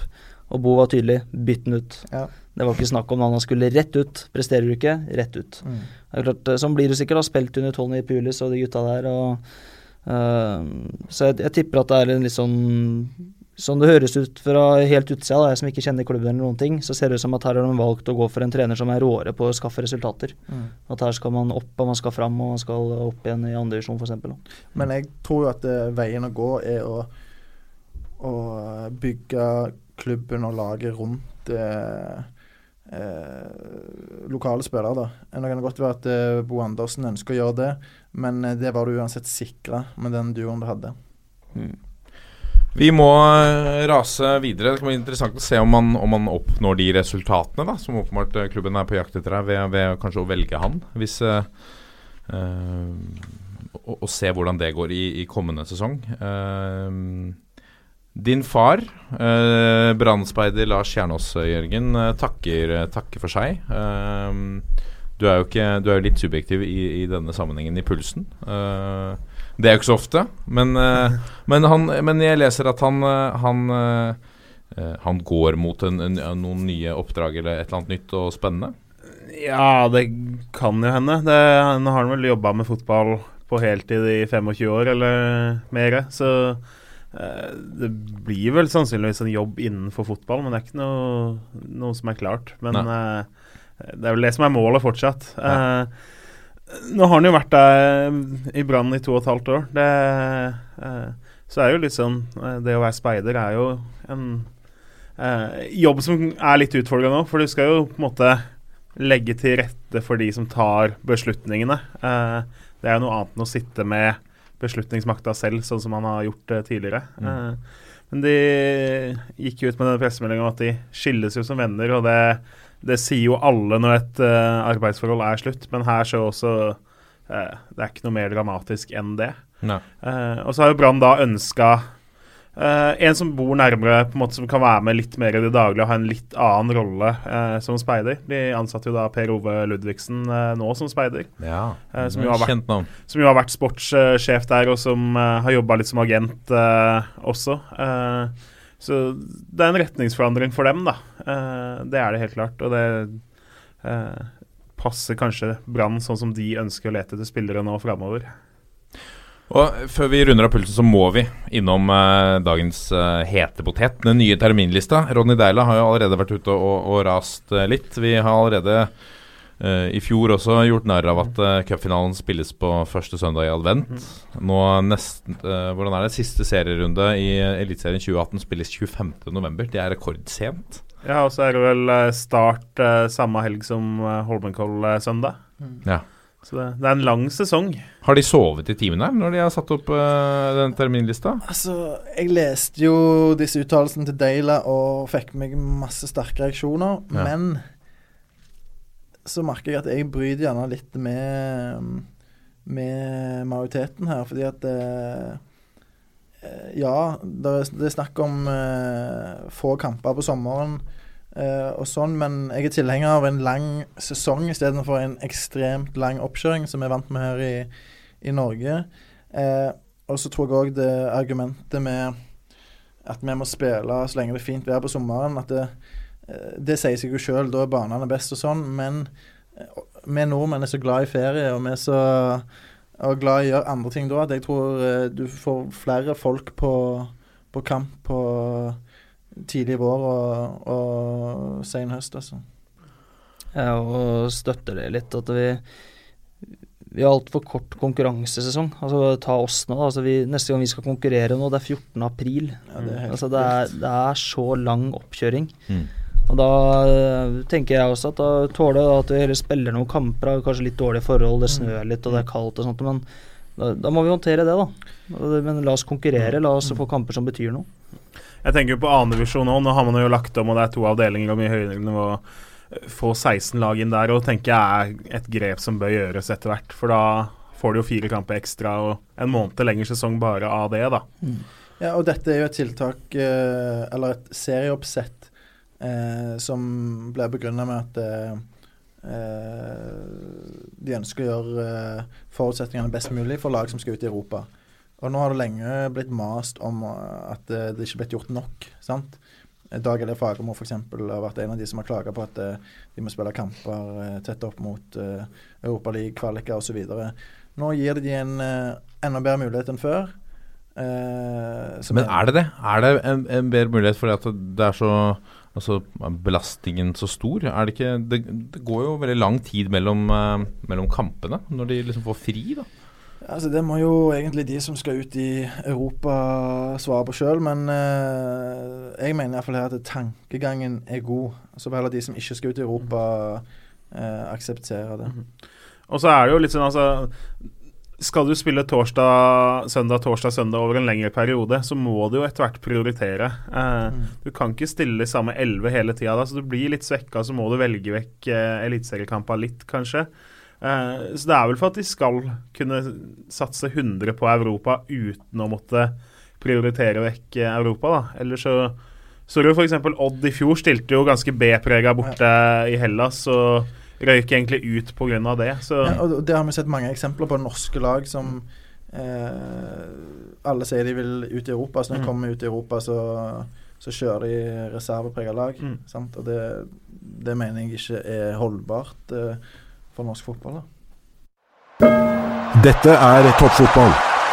Og så, Kjernås, skal vi slippe deg til og et, eh, noen rysere av eh, noen kamper helt i, i sluttfasen av breddefotballen og tredjedivisjon. Ja, vi snakka jo om uh, sist uke at uh, halvparten av kampene i tredjedivisjon i siste runde hadde jo egentlig betydning for opprykk eller nedrykk. Uh, og så hadde i annendivisjon så var jo alt av nedrykksspenning egentlig borte. Uh, det, men opprykket Det sto om kvalik uh, i avdeling 1. Uh, eh, der endte jo Alta, som lå, satt i førersetet. De tapte hjemme mot Skeid. ga fra seg den plassen de egentlig har hatt egentlig hele sesongen. og så var det da Raufoss og Asker som begge vant sine kamper. Raufoss vant da til slutt 3-2 over Nybergsund og tok den plassen på målforskjellen der. Uh, de skal jo da møte Notodden, som uh, hadde håp om direkte opprykk helt til det varer en halvtime av sesongen. Da Nessotra vant 3-0 bort mot Hønefoss var klart bedre i den kampen. Du så tydelig hvor mye motivasjon for opprykk teller mot et lag som egentlig er ferdig med sesongen og har nådd det de skal. Så det betyr at Nessotra kommer jo da opp. Nå sitter vi jo her med en ung trener som er spennende, og så har jo Nest Sotra også en trener der som uh, fryktelig meldingssterk, må det være mulig å si at Landro er der. han er 31, er han vel? har vært ute og fyrt litt mot motstandere på at det har vært lite utviklende spillestil i Bryne da de møtte dem. og Det er en type, kan vi vel si, som vi håper at uh, et opprykk til førstevisjon gjør at han kan komme litt fram i lyset også. Mm. Uh, så det var jo annendivisjon. Uh, og så har vi jo da uh, spennende kamper nå. Raufoss-Notodden, som skal møtes for å se hvem av dem som da møter Om det blir Fredrikstad, Elverum eller Arendal, det er jo fortsatt ikke avgjort. Men det blir et jevnt oppgjør, Notodden og Raufoss. Det er to lag som To ganske klare 4-3-3-lag. Eh, begge vært litt sånn De har jo satsa ganske stort. Eh, hatt litt ambisjoner om å være oppe i førstedivisjon. Eh, tenkt litt mer stall, litt mer lag, tror jeg, i år enn det de har hatt eh, tendens til de siste åra. Det har vært mye navn, eh, og kanskje ikke så mye typer de har tenkt alltid i de klubbene. Eh. Ja, jeg prata med Uh, Anton Henningson, mm. Uh, spissen til Raufoss i forbindelse med denne saken om storskårene. Der mm. Jørgen uh, Han har bøtta inn i år, han. Ja, bidro sterkt. Han har skåret 19 mål. Mm. har 12 kamper for 1992-landslaget til Sverige fra tidligere. beskrev seg sjøl som en nærmest komplett spiss. det er så deilig å høre. Ja, 1,92 høy og mm eh, sterk, og, men samtidig mener sjøl han har det meste og, og satser hardt. Han kan jo bli en viktig mann i, i disse oppgjørene. Og så har du jo en del profiler i, i Notodden òg. Mm. Nei, det blir, det blir, interessant å se. De møtes jo da allerede på lørdag, og så er det neste helg i tillegg. Det, det er to lag som i nivå er jevne. Eh, og så har jo Notodden vært det beste laget av dem i høst. Eh, bitte, bitte liten fordel eh, Notodden der, men vi snakker 53-47 eller noe sånt nå i styrkeforhold, maks. Mm. Uh, og så tredjedivisjon. Der har vi jo masse vi kunne snakka om. Vi kunne egentlig hatt en egen eh, podkast bare for avslutninga der, hvis, uh, men det ble nedstemt denne gangen. Men uh, Ja, ikke nedstemt, nei, men vi har så mye vi, vi, må mye, det, er fotball, det, er så mye som skjer at vi må prioritere. mest spektakulære der var avdeling fire og hvem som skulle rykke ned der. Der lå Stord og Haugesund 2 lå tre poeng bak Os, som lå på, sikre, på sikker plass. Eh, Os så ut som de skulle berge plassen onsdag eller torsdag, fordi de la inn protest mot Ålesund 2. Eh, som da hadde brukt eh, en spiller som ikke skulle spille. Men de la inn protesten et par timer for seint, og da blir den avvist. Oh, nei, eh, så likevel, da de hadde fem plussmål å gå på mot Os, mm. nei, mot Stord, og så møtte jo da Os Brattvåg, som med seier ville rykke opp. Eh, så møttes Haugesund 2 og Stord internt. Så det var jo ganske duka for en interessant avslutning der. Eh, Stord eh, leda 3-1 borte mot Haugesund 2, som stilte ungt. Eh, og Den kampen starta litt før eh, Os sin kamp. Eh, Os holdt 0-0 lenge mot eh, opprykksjagende Brattvåg, men så ti minutter før slutt så kom da 1-0 til Brattvåg. Og Da er jo scenarioet at Brattvåg rykker opp med 1-0. Os holder seg med 0-1-tap så lenge ikke Stord skårer to mål til. Uh, det Os da valgte å gjøre, var jo å trille ball på egen banehalvdel i ti minutter. Uh, Brattvåg pressa i gåsehøyne med én spiss. Uh, det presset var såpass slapt at jeg i nåværende form hadde gjort en bedre innsats. Uh, for syns skyld. Os var fornøyde ikke sant, med å bare la klokka gå og håpe at ikke Stord gjør noe. Så skårer jo Stord da 4-1 i det 88. minutt. Og så 5-1 i det 95. eller 96. spilleminutt. Uh, og den kampen starta jo da litt før uh, Os sin kamp, så jeg satt og så siste minuttet av Os Brattvåg live på uh, Facebook-sida til Brattvåg og alle steder hvor den er sendt. og da ser du jo at noen følger med live og har fått med seg 5-1-målet. Så plutselig liksom bare skrudde hurtigheten til Os-spillet seg opp 100 ganger, da, for da går det jo fra trille ball og nesten stå med henda eh, på hoften og ikke gidde, til å peise alle mann opp i angrep, for da må de jo ha mål. Mm. Eh, det fikk de jo ikke, så da resultatet er at uh, Os og Stord ender på 30 poeng. Samme målforskjell. Stord berger plassen på flere skåra mål. Oh. Og fordi Os sendte inn uh, klar, protesten sin tre timer for seint. Men det har vært for ille også om de skulle vinne pga. protest. Ja, men uh, altså Ålesund brukte han er Jørgen Hatlol. Ja. Eh, han starta forrige eliteseriekamp. Ja. Eh, Ålesund tenkte ikke over det fordi det hadde vært eh, pause pga. landslaget og sånn. ikke sant? Eh, så de hadde jo egentlig Hadde de protestert innafor fristen, hadde det ikke vært noe tvil. Da hadde Os fått 3-0 i den kampen. Så kan du jo si at det hadde vært for ille, men han skårte ett av måla i den 2-2-kampen og var deres antatt Eller den mest meritterte spilleren på det Ålesund-laget og var god i den kampen. Så det har vært holdt på å si mildere tilfeller som har gitt eh, 3-0-seier eh, denne sesongen enn det. Hva er det neste etter at For de hadde lik poeng, lik målforskjell, men de hadde færre scora Ja, flere scora mål, ikke Ja. står det foran på. Um, Hva er, hva er det neste man vurderer på da? Nei, ja. Har du helt lik målforskjell og altså er det 43-67 for begge, da går det vel på interne oppgjør. Uh, Hvis det er uavgjort, da? Nå er jeg så vanskelig Ja, som nei, Ole, ja, sånn som Ole, Nei, til, til slutt så øh, er det faktisk sånn at det er omkamp, er det ikke det? Nå har jeg ikke dobbeltsjekka, men altså Uh, Du må jo avgjøre det på et eller annet. Ja. og du Det er har- ikke myntkast Du har ikke noe liksom. Fifa-ranking å avgjøre det på, sånn som Nei. du har for landslag osv. Jeg vil tippe, uten å ha sjekka lovene til NFF, at det står omkamp, ikke myntkast. Ja. Antall cornere. Ja, antall corner eller ja, antall, antall. Facebook-tilhengere. altså, Det må være omkamp som er neste steget, da, vil jeg tro. Ja. Ja. Uh, og ellers jo, Det var jo mye som skjedde rundt om. Uh, så fikk vi jo ned i Østfold, så havna faktisk Sarpsborg uh, 08 sitt andre lag. Endte med å rykke ned. Mm. Eh, det var den nest mest eh, spektakulære nedrykksstriden. De hadde jo alltid egne hender. Hadde de tatt poeng hjemme mot Vestfossen, som eh, av de fleste var nedrykkstippa og som ikke hadde noe å spille for, eh, så hadde Sarpsborg berga den plassen. Eh, I tillegg så Østsida og Drøbak-Frogn møttes jo internt. Der lå begge farlig til. Drøbak måtte vinne og vant 2-1. Eh, men Østsida berga jo da plassen fordi Sarpsborg ikke klarte å ta poeng i sin kamp. Eh, og Godset 2 kom seg unna med seier over Oppsal. Så det, det var mye som skjedde der òg. Det ble litt sånn merkelig stemning. Øssia berga plassen til tross for tap, noe de vel egentlig ikke hadde kalkulert med. De hadde vel regna med at tap ville bety nedrykk, så de, de fikk en joker eh, ut av kortstokken som de ikke hadde regna med. Ja, så er det Haugesund, Ålesund og Tromsø sine to lag òg, som har Mm. gått ned eh, fra tredje til fjerde. Og da får jo de klubbene her en utfordring neste sesong, med tanke på matchingen av Mm. eh, sine nest beste. Mm. Det er jo altså det er mye meninger. Jeg mener at skillet tredje-fjerde divisjon er ganske markant. Uh, de går fra å møte lag som Moss, som Kvikk Halden osv., som har, altså, trener seriøst og trener omtrent som laga på toppnivå, uh, til at de kommer til å møte en del lag nå som knapt trener, som rasker med seg litt spillere.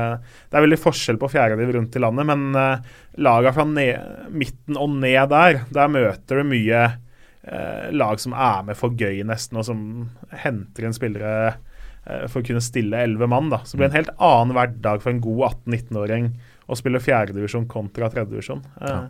Om de tenker utlån, hva de tenker, det, det er jo noen løsninger der. Det er en nasjonal G19-serie som nå blir nasjonal G18, som ikke har vært så prioritert av så mange av disse klubba. Eh, kanskje de tar det seriøst. Det eneste laget som omtrent har stilt stopp, toppa i den nasjonale G19-serien i år, er jo Sandefjord, fordi de har kun hatt eh, fjerdedivisjon å tilby sine spillere ellers. Mm. Kanskje vi får se et Sarpsborg som stiller der nå, som stiller sterkt. Tromsø har varsla at de kommer til å ha det som sin arena neste år. De har ikke vært med i, i den sesongen her. Så er det ganske klare serievinnere i fire av disse seks uh, avdelingene. Men så må vi få lov til å, å rose han eh, karen til høyre for meg òg her, da, med Moss, som har vunnet 20 av 26 kamper og står med 88-22 i målforskjell. Var et sk øh, dere har skåra mye i år. Ja, vi har skåra veldig mye. Ehm, vi eh, har blitt tidenes mestskårende MFK-lag, og vi tror også vi har satt poengrekord for klubben. Mm. Eh, så det er hyggelig, men eh, samtidig så er vi irritert over at ikke vi har skåra mer. Altså vi, borte mot Odd, eh, Odd 3 så vinner vi sjansestatistikken eh, 7-7-0 eh, og vinner 8-0. Altså det er jo egentlig dårlig effektivitet. Eh, så Vi skal ikke klage over 88 mål, men eh, vi føler sjøl at her burde vi ha runda 100. Det er over tre i snitt, da. Ja, det er, det er veldig, veldig bra. Men vi, vi, vi kunne og burde ha skåra mer. Også 22 baklengs er vi fornøyd med, selvfølgelig. Jeg er glad i godt forsvarsspill. Uh, spesielt hvis du ser at vi har sluppet inn sju av dem mot Kvikkhalden. Så kan du si at det er i svakeste, for Kvikkhalden har et bra toppnivå, så vi har slitt når vi har møtt dem, da, spesielt på overganger imot. Uh, seks av de måla er på overganger imot, og så er det én dødball. Uh, og Hvis jeg hører om Kvikkhalden sitt uh, lønnsbudsjett, uh, så er det jo hinsides. Og en ekstra større prestasjon å, å slå de, da. Mm. Ja da. Det, det, er mange som tror at vi har mye penger. vi brukte mye penger en gang i tida, men vi gjør ikke det lenger, gitt. Vi gjør ikke det. Kan jeg, få, jeg ser du, Vi er litt pressa på tiden. Vi må jo også nevne at Lyn klarte ja. å rote det, ja, foran 2000 uh, eh, tilskuere på Bislett. Uh, de ble jo til slutt bare, bare trukket ett poeng pga. denne uh, saken. Uh, hvor de brukte en spiller som var suspendert. Uh, det betydde jo at de hadde i egne hender mot Korsvoll. Kampen ble sendt direkte på Nettavisen, og det var 2000 mann der. og det var klart for fest. 2000 mennesker. 2000 mennesker, Ja, beklager. Det, vi får holde oss kjønnsnøytrale. Eh, Korsvoll ødela, ødela, ved å utligne to ganger. Utligna til 2-2. Eh, samtidig så et godt Stabæk 2-lag knuste jo da nedrykksklare Redalen 8-0, akkurat som eh, venta. Eh, enorm skuffelse selvsagt for Lyn. Altså nå I fjor kunne de ikke rykke opp pga. omlegging av seriesystemet. Året før så rykka de ned eh, fra andredivisjon. Eh, nå må de gå på en ny sesong i tredjedivisjon. Og det, det, har jo vært litt optimisme og liksom litt glede etter at klubben måtte starte på nytt igjen. Men eh, at de nå i 2018 igjen skal spille på nivå fire, det tærer litt på kreftene og motivasjonen hos en del der, tror jeg. Ja, og Der blir det spennende å se om uh, Thomas André Ødegaard, som har vært en heltidsansatt trener, fortsetter. Hans kontrakt uh, går ut uh, nå i år. Mm. Bare for å si at vi i Moss vi kåla faktisk at det kom til å skje. For vi har uh, en del spillere som kjenner spillere der og blir fellesvenner på Facebook og sånn. Og vi reagerte når det er i hvert fall tre av Lyn-spillere som vi vet om, som dagen før kampen ikke inviterer til opprykkskamp, men inviterer til opprykksfest ja. på Facebook. Og Så vi satt og tenkte at det fokuset her, det kommer til å gå gærent. Ja. For de var klare for fest. Og ene skrev også på Facebook at han hadde hadde, de skulle ut der og der etter kampen for å feire og inviterte supporterne dit. Og da, det er jo sånn du nesten ikke tror når du hører det. Ja. Eh, det er jo det er tredjedivisjon, men likevel, dette, det virker jo helt utrolig. Ja, det er helt, eh, helt utrolig. Så, vi satt i bussen vi på vei til Holmen og prata om at det der kommer til å gå gærent. De eh, kommer til å slite. Det fokuset der det vinner du ikke fotballkampen med. Dette er toppfotball. Og så Før vi runder av, så må vi gå raskt gjennom uh, en eh, preview på, uh, på neste eliteserierunde, mine herrer. Vi begynner i Haugesund og Haugesund Brann, Bårdsen. Ja, der kommer jo et uh, ekstremt formsvakt uh, Brannlag på besøk. Har tapt fire matcher på rad. Ja. Haugesund er ikke noe kjempeform, de heller. Har sett litt tunge og uinspirert ut uh, de siste matchene. Hadde jo en tung opplevelse på Intility Arena for ikke veldig lenge siden. Uh, det er jo liksom Skal Brann snu det, da? De har vært så solide tidligere år og, og bikka så mange kamper i sitt favør. Så det er liksom veldig ukarakteristisk, det som har skjedd i, i det siste. så jeg er spent på hvilken tilnærming eh, og hvilket eh, brannlag vi ser i denne matchen. Ja. Og så er jo kanskje eh, det som er saken her nå, at nå begynner europacupplassen å, å svinne hen. Mm. For nå er det fire poeng opp, og da plutselig så nærmer det seg veldig mye mindre å spille for. Ja.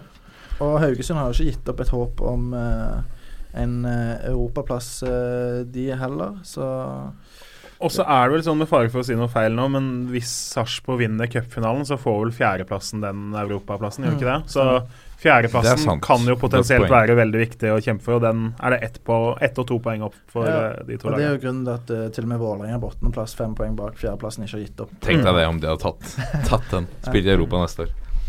Um, Rosenborg tar imot Stabæk på, på Lerkendal, uh, Ole Martin. Hva ja. tenker du om den matchen? Det er jo øh, ikke noe tvil om at Rosenborg er store favoritter i den matchen. Uh, Rosenborg har fin kontroll på gullet, har sånn sett ikke så veldig mye å spille for, men uh, liker jo å vinne på Lerkendal, liker å være gode der. Stabæk vil jo med en seier her på langt nær holde plassen og få god avstand til kvaliken. og og være trygge sånn sett. Uh, men det er klart Stabæk med, med Hanke Olsen ute med rødt kort, uh, OI er fortsatt skada, regner vi med, uh, så tror jeg, tror jeg, det blir for tøft, rett og slett. Så jeg tror det blir et uh, kampbilde hvor Rosenborg uh, styrer mye. Bentner, som jeg syns har sett bra ut i det siste, mot et av ligaens dårligste forsvar. så jeg ser for meg mye sjanser til Rosenborg, og potensielt en, en ganske god seier der. Kristiansund-Odd Kjernås? Ja, Der har vi jo et Kristiansund som nå viser at det går å finne gull på lavere nivåer. Torgill Gjertsen har jo eh, vært en åpenbaring, men eh, så ble han litt eh, syndebukk òg. Eh, den ødela en stor sjanse til at de kunne gå opp til 2-0 mot Ålesund sist. Eh, Kristiansund er gode hjemme, har kun tapt to kamper på hjemmebane i år. Eh, og så møter de jo da et Odd som De har fortsatt denne fjerdeplassen på skuddet òg, men seriens beste hjemmelag og seriens dårligste hjemme bortelag i samme pakke. Det er jo nesten utrolig. Eh, jeg nekter jo litt å anerkjenne det her at bortebane skal være så forbanna mye vanskeligere enn hjemme, men eh, for Odd så er det tydeligvis veldig vanskelig å være på tur. Det at de knapt tar poeng borte, gjør at Kristiansund, som har hakket mer motivasjon med tanke på at Eh, nedrykksplassen kun er et par poeng unna. Eh, er liten favoritt der, men eh, litt sånn der fare på ferde. Har litt odd-feeling. mener jo at de fortsatt skal være et klart bedre lag enn Kristiansund, så snart på tide å virkelig vise det. Ja. Vi raser videre til Drammen og Marienlyst. Godset tar imot Sogndal, og Godset er, har jo gått fra å slite til å til å være det store formlaget i Eliteserien. Nå har de tatt flere poeng enn Rosenborg på de siste fem. Det står med fem strake seire. Eh, anført av Basel Gerradi og Eirik Ulland Andersen, og eh, ikke minst Jakob Glesnes helt bak. I tillegg så har Markus Pedersen også begynt å sette litt kasser. Avgjørende i avgjørende matcher. Eh, møter et Sogndal som, som eh, så lenge bra ut mot Sarpsborg 08, men gir bort en 3-1-ledelse der, eh, Joakim? Ja, og så rota de bort en 2-0-ledelse mot Molde for uh, tre runder siden. Så ja. det er fire poeng, det. Ja. Og med fire poeng så hadde de hatt grei klaring til den kvalikplassen. Nå, nå, må de ha poeng i Drammen. Mye å spille om for begge, for begge lag. Uh, Strømsgodset for alvor meldte seg på i medaljekampen.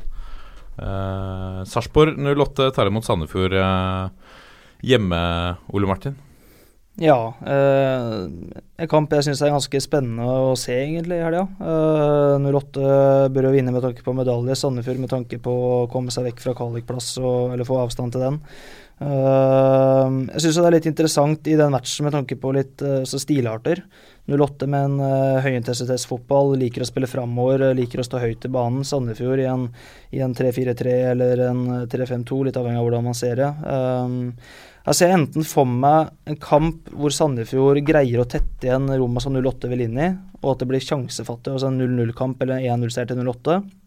Eller at uh, Sandefjord sprekker opp tidlig, 08 finner rommet, og at vi snakker en sånn 4-5-0-seier her. Mm. Jeg tror det er liksom enten-eller. Ja, og Da er jeg spent på om vi får en sånn eksplosjon av uh, Diatta før han på en måte sier farvel til Norge og Eliteserien og blir solgt for et, uh, 40 millioner? Ja, minst. Minst, ja. Tromsø-Viking, uh, Joakim? Ja, det er jo en potensiell uh, ny 7-1-kamp uh, på gang. vi var jo inne på det veldig tidlig i denne podkasten. Viking sitt oppgjør mot Vålerenga sist. grusom opplevelse for alle med et hjerte i Viking. De har ingenting å spille for. denne kampen her handler om Tromsø. Eh, de eh, ligger på kvalik eh, og må ta tre poeng her. De får ikke en bedre mulighet resten av sesongen. har sett litt på formen til Tromsø under Simo Valakari, som har hatt de nå i ti kamper etter at Bård Flovik fikk sparken. og De har fire seire, to uavgjort og fire tap. Tatt 1,4 poeng i snitt. Eh, Flovik klarte 0,93 eh, poeng i snittet på sine 15 matcher. Så det er jo en klar forbedring, uten tvil. Og de har òg skifta fra 4-4-2 til 3-4-3. Um, ehm, og så fikk vi en uh, skade i dag på Mushaka Bakenga, som dro på seg en låstrekk. Mest sannsynlig ute av det oppgjøret hvis ikke det skjer noe veldig spesielt. Uh, kan gi mulighet for Mikael Ingebrigtsen, som faktisk er toppskårer i klubben, med syv mål på 14 matcher fra start. Veldig sterkt. Har vært litt ute i kulden nå etter Valakari kom inn. Så eh, jeg tror at eh, Tromsø tar denne matchen, og det kan bli en, en fin kamp for hjemmesporterne på Alfheim. Vålerenga tar imot Molde hjemme på Intility Arena. Eh, fortsatt en jobb å gjøre der før det blir et uh, fort. Men nå, eh, nå, kommer de fra en veldig altså, Hva skal man si en, en Ikke en oppskriftsmessig 7-1-seier, men, men, men, de har nå Nå står de med 15 mål på de tre siste kampene. Det begynner å ligne noe av Prosjekt Deila. Det kommer sent, men, men kanskje godt. men her får de en ordentlig nøtt, for Molde er eh, også i kjempeform og begynner å feste grepet om, eh, om sølvet. Uh, nå er de ja, selvfølgelig ti poeng altfor langt bak i Rosenborg, men, men en liten luke ned til Sarpsborg på, på tre poeng. Um, så Molde ser ut til å, å, å ruste seg godt for medaljekampen. og nå vet jeg du vil si noe, Bårdsen, men vi må gå videre til Lillestrøm-Ålesund, Kjernås. Ja, Det interessante der er jo at den spilles mandag. Det er jo en kjempeviktig kamp for begge lag på nedre halvdel. Uh, kan fort ha fått oppleve at Kristiansund og Tromsø i hvert fall har gått forbi Lillestrøm. Kan, altså Sogndal har det tøffere bort mot godset. Men uh, Ålesund ligger jo på nedrykksplass. Uh, for dem så er det her en må-vinne-kamp. De kan fort ha fire-fem poeng opp til sikker plass uh, når den kampen her starter. Har et tøft program igjen. så for Ålesund er det her nesten vinn eller forsvinn. det må et mirakel til hvis de skal berge etter et tap her. Det, det skjer neppe. Uh, og så er det jo da Lillestrøm som har mulighet til å spille seg litt vekk fra nedrykkstriden, eller med tap for alvor stå med begge beina nede i sumpa nå. Så uh, For her kan du bare regne med ja. at Tromsø tar tre poeng, og da ja. er de av poeng med Lillestrøm. Ikke sant. Også Kristiansund bør uh, kunne ta poeng hjemme mot Odd. Det er, det er større sjanse for at Kristiansund tar poeng enn at de ikke tar poeng i den kampen. og da er de forbi på målforskjell. Og så er det da Sogndal og Ålesund som er bak, eventuelt. da. Så det, det, blir en rysere mandag kveld. Det, man har hatt flaks med at det er mandagskampen, uh, eller god planlegging, da. Det var det vi rakk denne sendingen. vi, nå står Mats Berger fra Fotballuka her og maser med en pils i hånda. Da er det greit å komme seg ut av studio. vi rakk ikke å ta opp hetsen vi har fått på, på, på mail. Det får vi ta neste uke. Og så Eh, og bruke litt eh, tid på det da. Ole Martin Nesselquist, tusen hjertelig takk for at du kom. Tusen takk for at jeg fikk lov. Uh, lykke til med, med vi, vi, får tro at det er Moss uh, kanskje neste år. Vi gleder oss til å følge med på, på karrieren din videre. Håper at du kommer tilbake i studio igjen og forteller om enda flere gode historier på neste eventyr. Og så håper vi at du fortsetter å være så frekk som, uh, som du tydeligvis er, og det er grunnen til at du har kommet så langt. Ja, jeg skal prøve å fortsette å være frekk. vi er Toppfotball på Facebook, Twitter og Instagram. Gå inn og lik og rate gjerne, så blåser vi det ut på lufta. Og så må vi avslutte som vi pleier å gjøre. Én, to, tre. Vi er en gjeng! Ha det. Ha det.